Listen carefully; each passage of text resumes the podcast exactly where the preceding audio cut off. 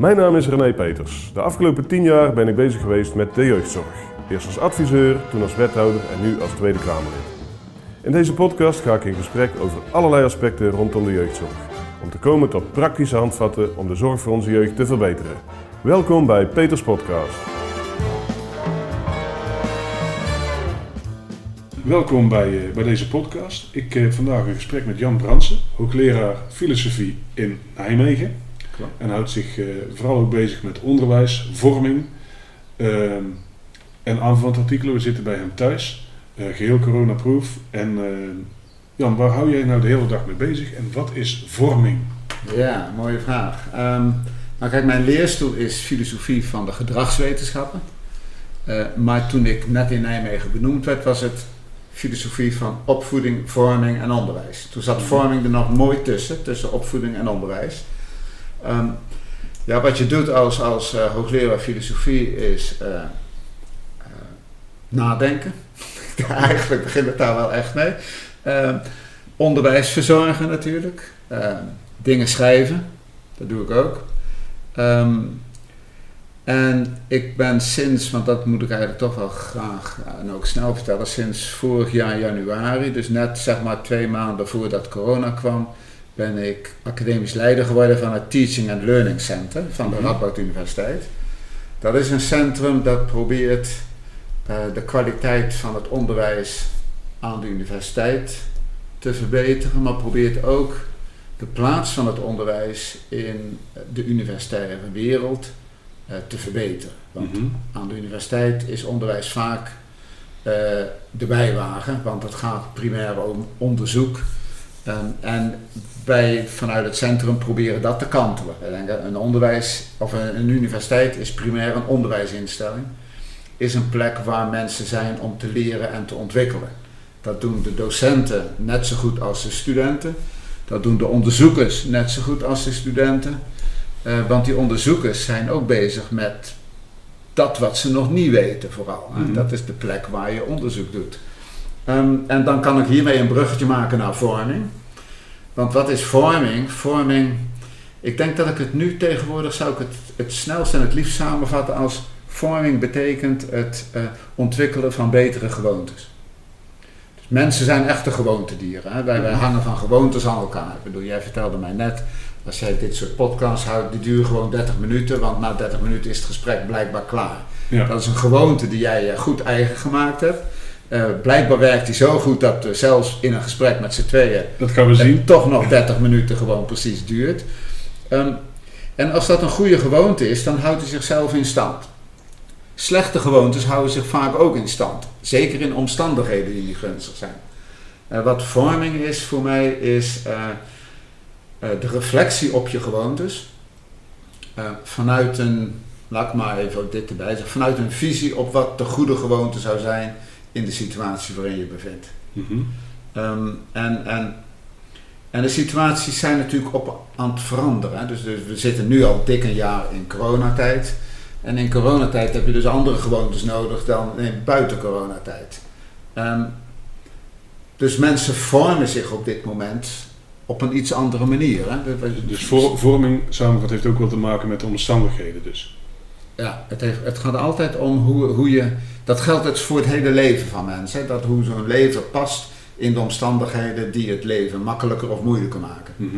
En in hele moeilijke omstandigheden eh, kun je gewoontes ontwikkelen, bijvoorbeeld heel veel wantrouwen ontwikkelen. Als je in een, in een erg vijandige omgeving leeft, dan is wantrouwen een behoorlijk goede gewoonte.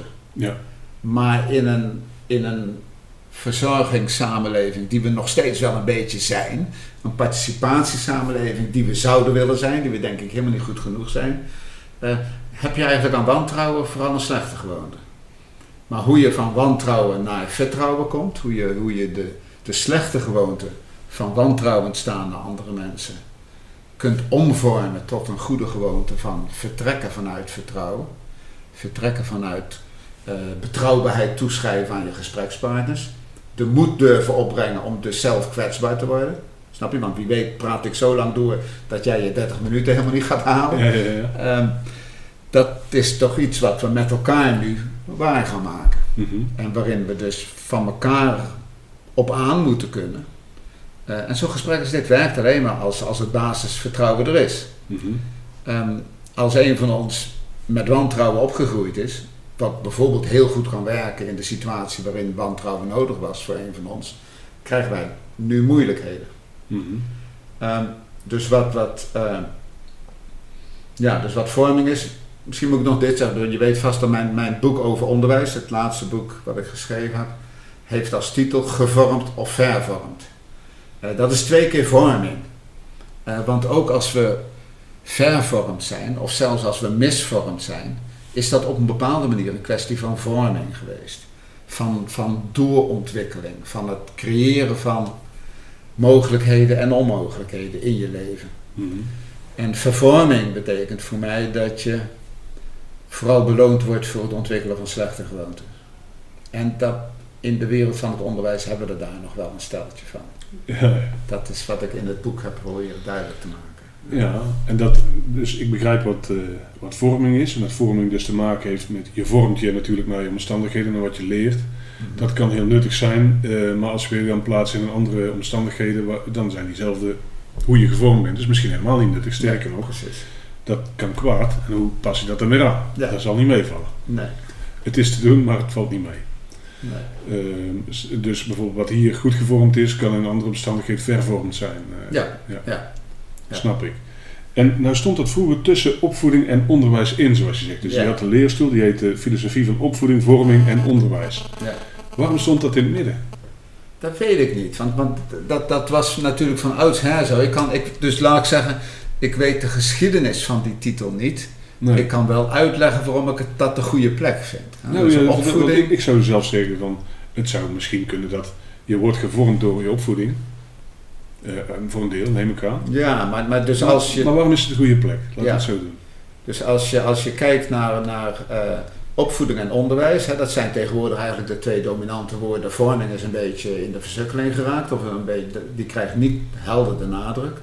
Eh, opvoeding, daarvan denken we, dat past bij eh, eh, mensen thuis. Dat is iets voor de vaders en de moeders, dus dat is iets wat, wat als het ware in de natuurlijke, in de primaire leefomstandigheid op zijn plek is. Mhm. Ehm, dan is er behalve opvoeding ook nog iets nodig wat we blijkbaar niet thuis op onszelf voor elkaar krijgen. Een soort van maatschappelijke, eh, maatschappelijke opvoeding. En die hebben we, en ik ga nu het woord vervormen even erbij gebruiken, die hebben we een plek gegeven in het formele onderwijs. En dat formele onderwijs vervormt voor mij op allerlei manieren. En vorming is, is als het ware dat wat gebeurt in opvoeding en dat wat gebeurt in onderwijs. Mhm. Eh, is dus de overkoepelende term, zou je kunnen zeggen. Daarom staat het mooi in het midden. Maar het is ook de term die eh, de twee extremen, als het ware, ehm, Beetje bij elkaar houdt. ja, bij elkaar houdt. Maar ook, ook als het ware de, de vervormingen aan de opvoedingskant en de vervorming aan de onderwijskant, als het ware weg kan duwen, zodat je meer ruimte krijgt voor vorming. Oké, maar dan, eh, dan ben ik toch benieuwd, omdat je inderdaad zegt van, eh, over vervorming en onderwijs. Want Mhm. ik, ik zou zeggen, ten eerste ben ik eens benieuwd of opvoeding en onderwijs niet ook deels één zijn. Ja, ben ik direct met je eens, want het zijn twee, twee vormen van vorming. Oké, Ehm, en bij opvoeding heb je. Dus stel dat, het, dat ik bij, bij opvoeding zou ik zeggen, je hebt dan te maken met in ieder geval in eerste instantie ehm, mensen die in, in verantwoordelijkheden en in mogelijkheden, in, in vermogens, in ontwikkelde vermogens, enorm van elkaar verschillen. Dus er is een grote asymmetrie. Vaders en moeders kunnen nu eenmaal veel meer dan kleine kinderen. Eh, maar daar zit een enorme dynamiek in. Dat gaat heel snel. Snap je? Als die kinderen 12, 13 zijn, je ze kwijt dan ben je kwijt. Die van mij wel in ieder Om het zo te zeggen. Eh, dus die dynamiek die maakt dat het van dag tot dag verandert. Mhm. Maar die dynamiek gebeurt ook in een sfeer waarin het volstrekt vanzelfsprekend is en ook heel diep gevoeld wordt, denk ik, door alle betrokkenen, dat het gaat om een verbond wat met liefde te maken heeft. Mhm. Nou, In, de, in de opvoeding is denk ik liefde heel primair eh, de verbindende kracht. Mhm. Eh, ook in situaties waarin ouders verslaafd zijn en aan de drank zijn en op straat zwerven en, en hun kinderen van alles aandoen. Snap je? Ook dan is er Die nog... liefde gaat niet weg. Die liefde gaat niet weg. Maar het onderwijs hebben we formeel georganiseerd. En dat hebben we maatschappelijk als het ware gegrond op, op, op regels en reguleringen en, en overwegingen van, van, van min of meer rationele aard. Dus daar kunnen we ook ons voorstellen dat onderwijs juist niet om liefde draait, maar om... Wonderlijk. Ja, heel wonderlijk, want, want daar ben ik het direct met je eens, of de mensen hebben we nog niet eens uitgesproken, maar daar zijn we het vast over eens. Dus een van mijn pleidooien is, er moet in het onderwijs meer liefde komen. Omdat verbinding tussen mensen altijd te maken heeft met, met, die, met die kracht van liefde. Maar als je in, in de, uh, nog maar even zeggen, in de executive board zit van Shell en je komt je, je andere collega bestuurders tegen en zegt, weet je mensen, het gaat eigenlijk om liefde, dan lacht ze je vermoedelijk uit. En ja. Dat is jammer voor die plek, hè? maar zo hebben we de samenleving hebben we natuurlijk wel heel bureaucratisch georganiseerd. Toen jij zit in, in Den Haag, eh, dus je kent die bureaucratie vast. En die bureaucratie is als het ware het format van omgaan met elkaar, die we in het onderwijs ook gerealiseerd hebben. Maar als ik het dan zo zeg, dan zeg je nou, opvoeding, ik snap wel, dat gaat altijd tussen uh, ouders, die hoe dan ook van het kind houden en het kind houdt hoe dan ook van die ouders, hoe het ook zit. Opvoeden en liefde gaan niet zonder elkaar. Nee. Uh, gaan we over naar het onderwijs, is eigenlijk hetzelfde.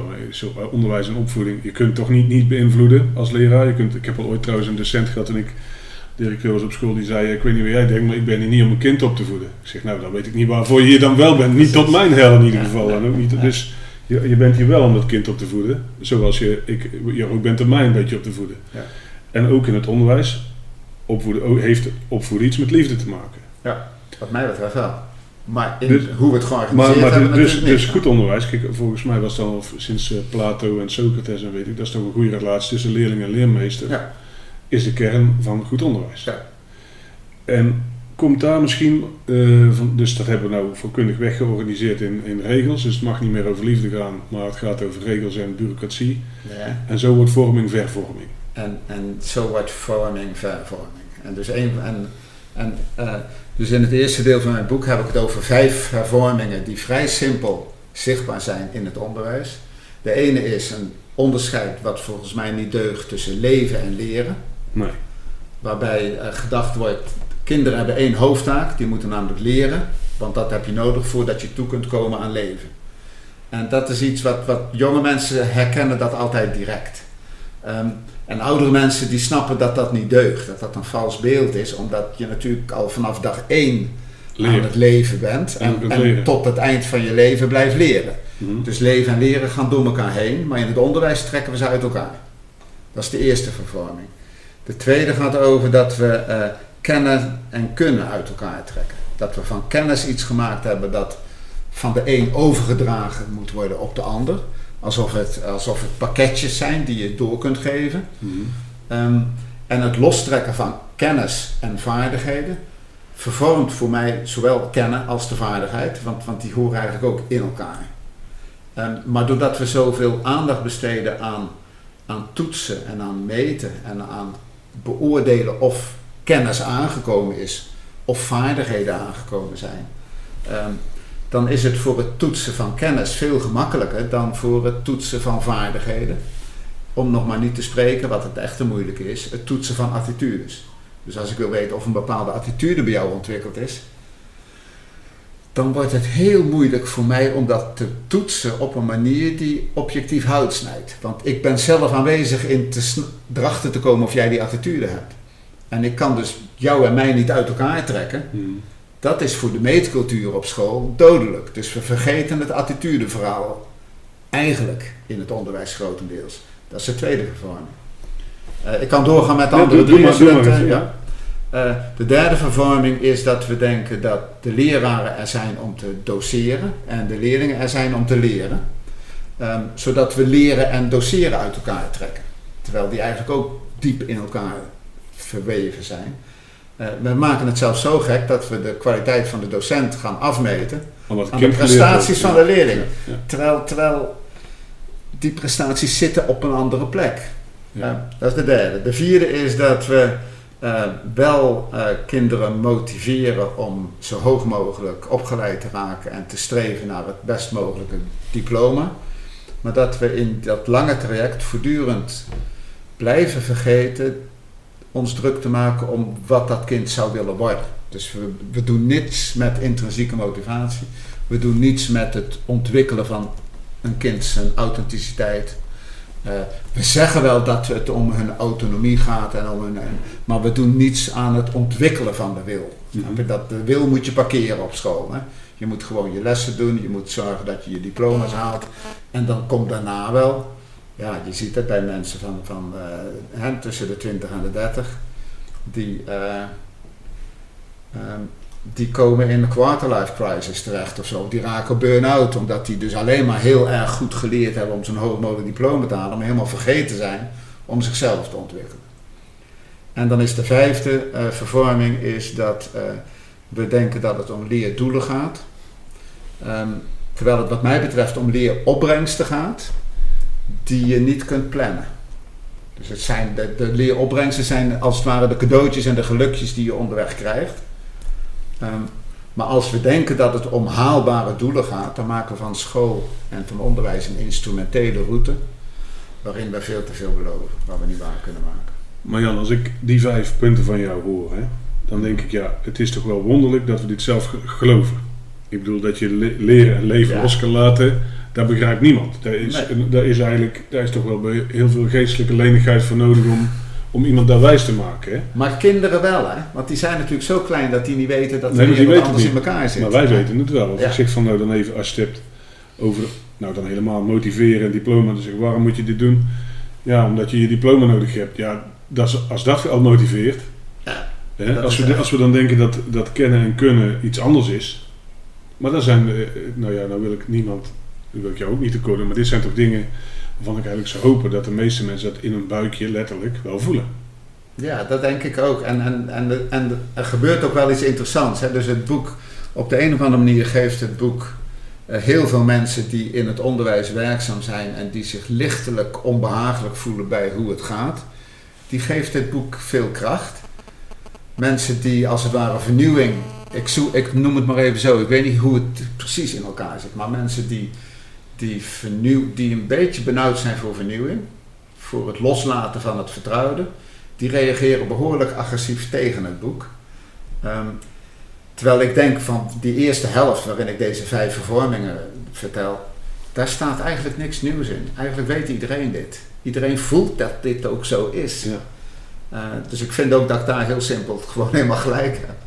Ja. Uh, en dan gaat het erom hoe je dit analyseert. Maar, maar dan, dan, dan, kijk, als wij dit allemaal voelen, want eigenlijk denk ik, bijna iedereen die voelt wel aan dat het in de klas altijd gaat tussen leerkracht en leermeester. Als ik het niet mag zeggen, omdat ik uh, niks, geen gevoel bij jou heb of niet geïnteresseerd ben in jou, dan word ik in lessen. Dan word, ik ben ook meer dan een gebruiksaanwijzing als docent. Anders kun je wel beter YouTube-filmpjes aanzetten, die leggen daar veel beter uit dan ik ooit zou kunnen. Ja. En dat doet het niet, dat weten we nou wel met coronatijd. Ik bedoel, ja ik mag het niet zeggen van uh, heel veel mensen, maar ik zou zeggen, lesgeven via de Zoom is toch op zijn best suboptimaal. Dat is uh, suboptimaal. Dat is suboptimaal. We kunnen wel dingen uitleggen, ja. maar dat kan ik ook wel opzoeken. Ja. Het ging om het contact, om de inspiratie, om het, om het samen een eindje oplopen dus. Ja, maar als we dit allemaal al voelen, waarom, waarom, waarom doen wij dat dan? Hoe is dat gekomen? Heb je daar enig idee van? Ja, dus mijn, het verhaal wat ik erover vertel is... Um, in het begin van de vorige eeuw was het natuurlijk eigenlijk best een goed idee om de leerplicht uh, te installeren. En dat was, een, dat was een plicht voor de ouders. Hè, zeggen, dat was, was een plicht voor de ouders om hun kinderen naar school te brengen, zodat die vorming konden ontvangen, zodat die zich konden ontwikkelen. En als het ware uit, uit een droevig kinderarbeidlot konden ontsnappen. Ja.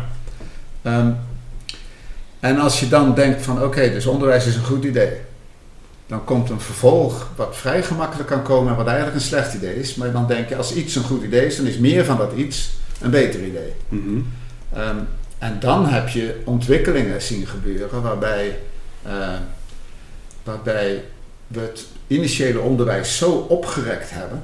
En ook zijn gaan, gaan van die vreemde streefgetallen zijn gaan neerzetten.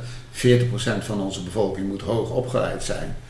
Uh, Snap je? Dat, dat, dat is een perverse prikkel. Die, die draait om niets ja, behalve dat dan... Dat lukt altijd als je dat wil. Natuurlijk. Want je kan iedereen hoger opleiden, maar dat betekent hoger gewoon iets anders. Ja. Maar tegelijkertijd wordt het natuurlijk heel link, omdat hoger en lager wel degelijk in stand blijft.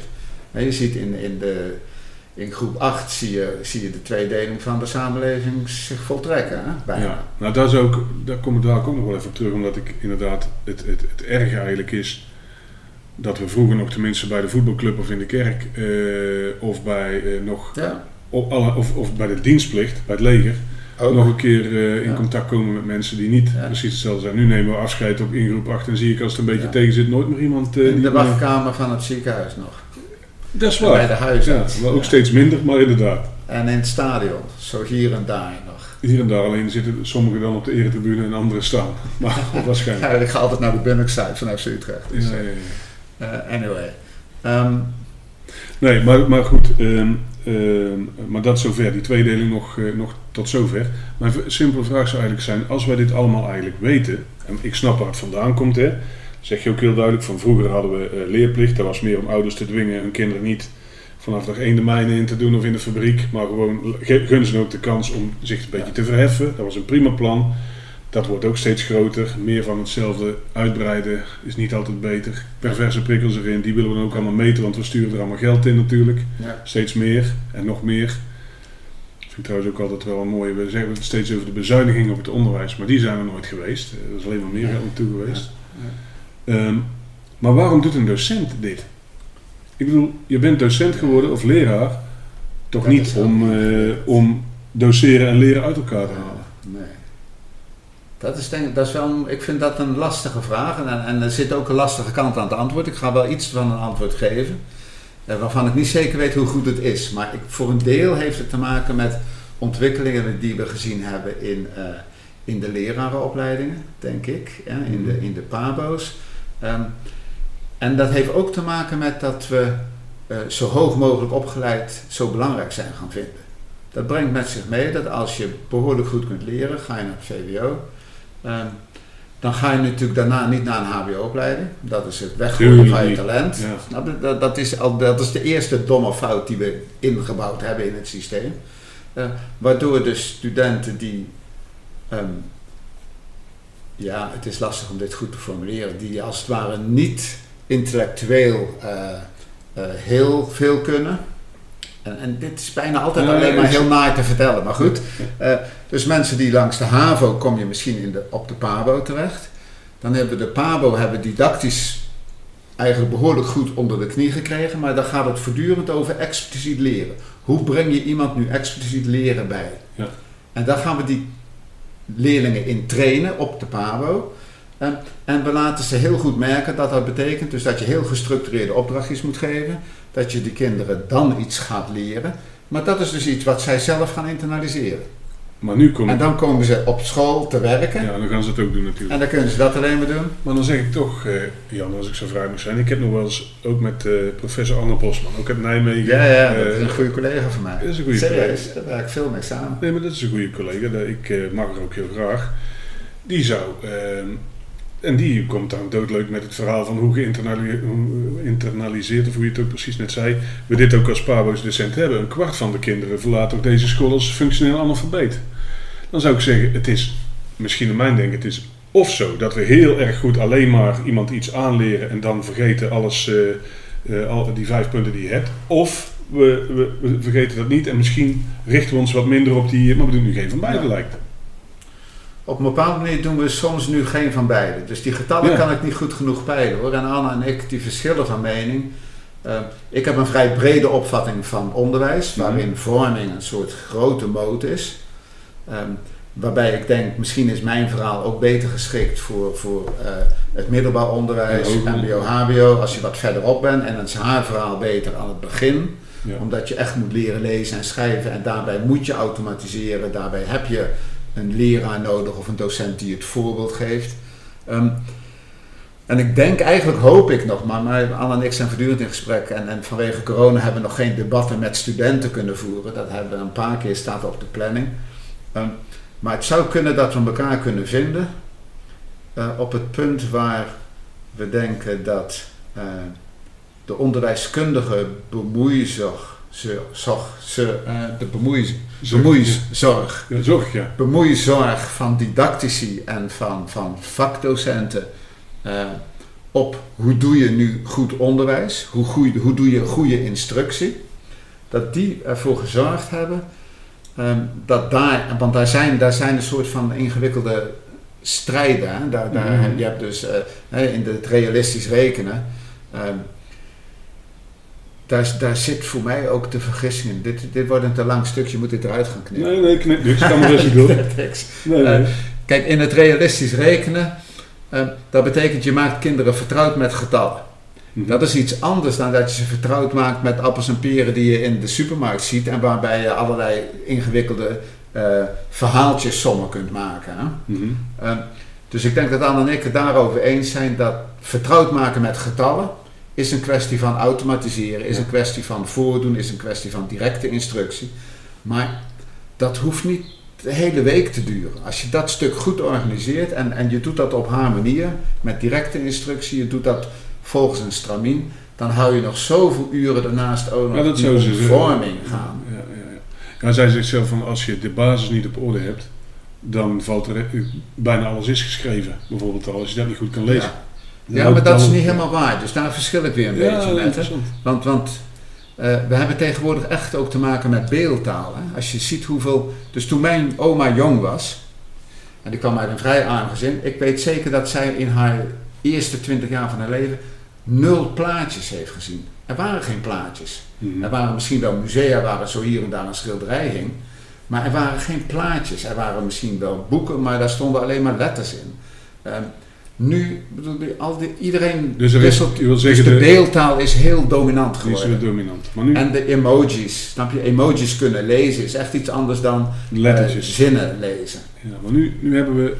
Ik heb een heel, een, eigenlijk een, een redelijk rond verhaal, maar niet helemaal nog. Dus ik kom nog wel één ding. Je zegt van helder dat eh, vorming, dat het daar eigenlijk om gaat. Hè? Dat, dat het gaat om hoe vorm jij je goede eigenschappen in, een, in de goede context. Hoe leer je fouten af. En dat is nog een hele klus. Maar goed, ja, ja.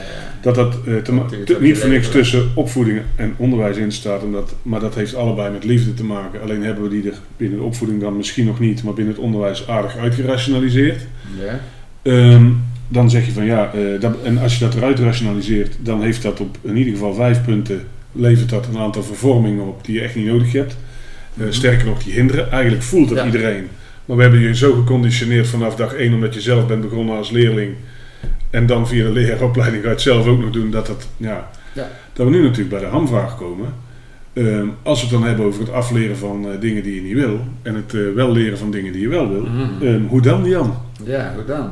Nou ja, daar heb ik dus deel 2 van mijn boek over geschreven. Ehm, en, en ik denk dat de, eer- de eerste grote strijd, eh, en ik denk dat daar een rol voor, voor de politiek is, is een strijd die zal gaan over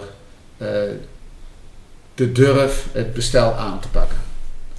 De commissie Dijsselbloem, 10, 20, 15 jaar geleden, zoiets, eh, die heeft het er stevig ingeramd dat we niet moesten denken aan een stelselwijziging. Mhm. Ehm, Anna zal dat, ik weet, ik weet niet hoe zij daarover denkt. We zullen het te zijn de tijd vragen. Ja, maar ehm, in de stelselwijziging zijn voor mij twee, eigenlijk drie dingen heel belangrijk. Eh, de eerste is eh, geen splitsing tussen primair onderwijs en secundair onderwijs. Zeker niet een splitsing waarbij je gaat splitsen naar beroepsgericht en algemeen vormend. Ehm, en geen uh, jaarklassensysteem. Mhm. Ehm, want leerlingen zijn, die verschillen zo verschrikkelijk van elkaar dat als je de normleerling gaat proberen te bedienen, je 40% van de bevolking niet bedient. Ja, maar ik wou zeggen van dan kom ik, ik begrijp dit hè. Ik zeg van, maar dan richt je hem op die leerling. Maar hoe, en dat snap ik, dat je die zo inricht dat ik in ieder geval niet gedwongen word om te doen wat ik helemaal niet wil als docent. Mhm. Hoe verander ik die docent? Ja, dat, dat, is hetzelfde, dat is hetzelfde verhaal. Hè? Dus waarom zitten we nu met de docenten waar we nu mee zitten? Omdat we die 20 jaar geleden zijn gaan opleiden. Dus dit heeft denk ik wel gewoon echt een hele generatie nodig om, om weer te kantelen. Want wat we nodig hebben is eh, leraren die. En leraren die in een setting zitten. Het is ook de setting, maar, maar, maar het systeem zit ook in ons. Hè? Dus de, leren, de leraren, wij zijn het, ja, op een bepaalde manier. Eh, de leraren zijn zelf ook zo vertrouwd geraakt met hun rol van leraar, die een uitvoerende rol is, gesteund door methodes, ge, ge- eh, omgeven door heel veel deskundigen die beweren dat zij sommige dingen toch echt beter weten eh, dan die leerkracht zelf. De leerkrachten zijn ook niet meer universitair opgeleid. Die komen allerlei ouders tegen bij het schoolhek die wel universitair zijn opgeleid. Daar komen allerlei complexe strijden komen daar als het ware impliciet aan de orde. Ehm, en het aantal leerkrachten dat te horen zal krijgen van omstaande deskundigen van ja, maar daar ben jij niet echt deskundig in, ik weet hier meer van, die zullen er wel zijn. En die houden in stand, denk ik, dat de leerkracht het liefst uitvoert. Maar daardoor ook uit zijn professionele kwaliteit getrokken wordt. Want die zit hem erin dat hij verbinding maakt met een kind. En dan juist meer weet, omdat hij dat kind kent. Maar als ik dus, en dan moeten we langzaam aan richting het einde alweer. Mm En we hadden hier nog veel langer over kunnen doen. Maar het is zo, dus ik, ik snap dat je zegt, eh, een docent is ook opgevoed in die rol. Dus helemaal te- van die docent iets anders verwachten van wat hem 20 jaar geleden is geleerd, dat gaat het niet worden. Dus we zullen de, eh, om mensen anders te vormen, zullen we de omstandigheden moeten veranderen. Om Ja, even- om even nou ja, we zullen, de, we zullen tijd moeten hebben. En, en ja, we moeten het systeem de volgende En dus generatie zal de volgende generatie moeten we opvoeden. Dus het- Ja. Als we die iets anders van hen iets anders willen verwachten, moeten we voor de leerlingen van nu de omstandigheden veranderen. Ja. Oké, en dan zeg je, en dan, en dan tot slot, want dat betekent ook van, dat van die docent die nu eh, gewend is geraakt aan een uitvoerende rol, die eh, volgt systemen, die volgt methodes, die hoort van externe mensen die, eh, ja, als je dit maar volgt, dan komt het wel goed en iets anders, daar heb je toch geen verstand van, beter gezegd. Mm. Is wel verdrietig dat hij dat is gaan geloven. Ja. Dat is ook verdrietig. Dat vind ik echt verdrietig. Dat vind ik ook echt verdrietig. Ehm, en, en je kunt je ook afvragen hoe diep die het echt is gaan geloven. En Kijk. ik vrees dat hij het af en toe behoorlijk diep echt is gaan geloven. Maar ik hoop dat je hem daar, als het ware, eh, ehm, Dat vonkje wat... ongemakkelijk kunt maken met zijn zelfbeeld. Ik bedoel, dat is voor mij vaak de route. Hè? Dus, dus waar, waar het om gaat als je echt iets wil veranderen, is dat je mensen moet confronteren met het beeld dat zij van zichzelf hebben. Waarin ze als het ware voelen van, ja maar nee, Dit is het niet. dit is het niet. Oké. Dan Ja. komt er beweging. Nou, wij willen beweging, Jan, dankjewel. Ehm wij zeggen van ehm, een docent gaat het weer durven en wij hopen maar dat het, het, het vonkje wat er zit, dat we dat eh, een klein beetje harder kunnen laten vlammen door eh, de wind die deze podcast heeft gegeven. Dankjewel. Oké. Dank je voor het luisteren naar dit gesprek. Ik hoop dat je het interessant gevonden hebt. Delen mag, vergeet je niet te abonneren en tot de volgende aflevering van Peters Podcast.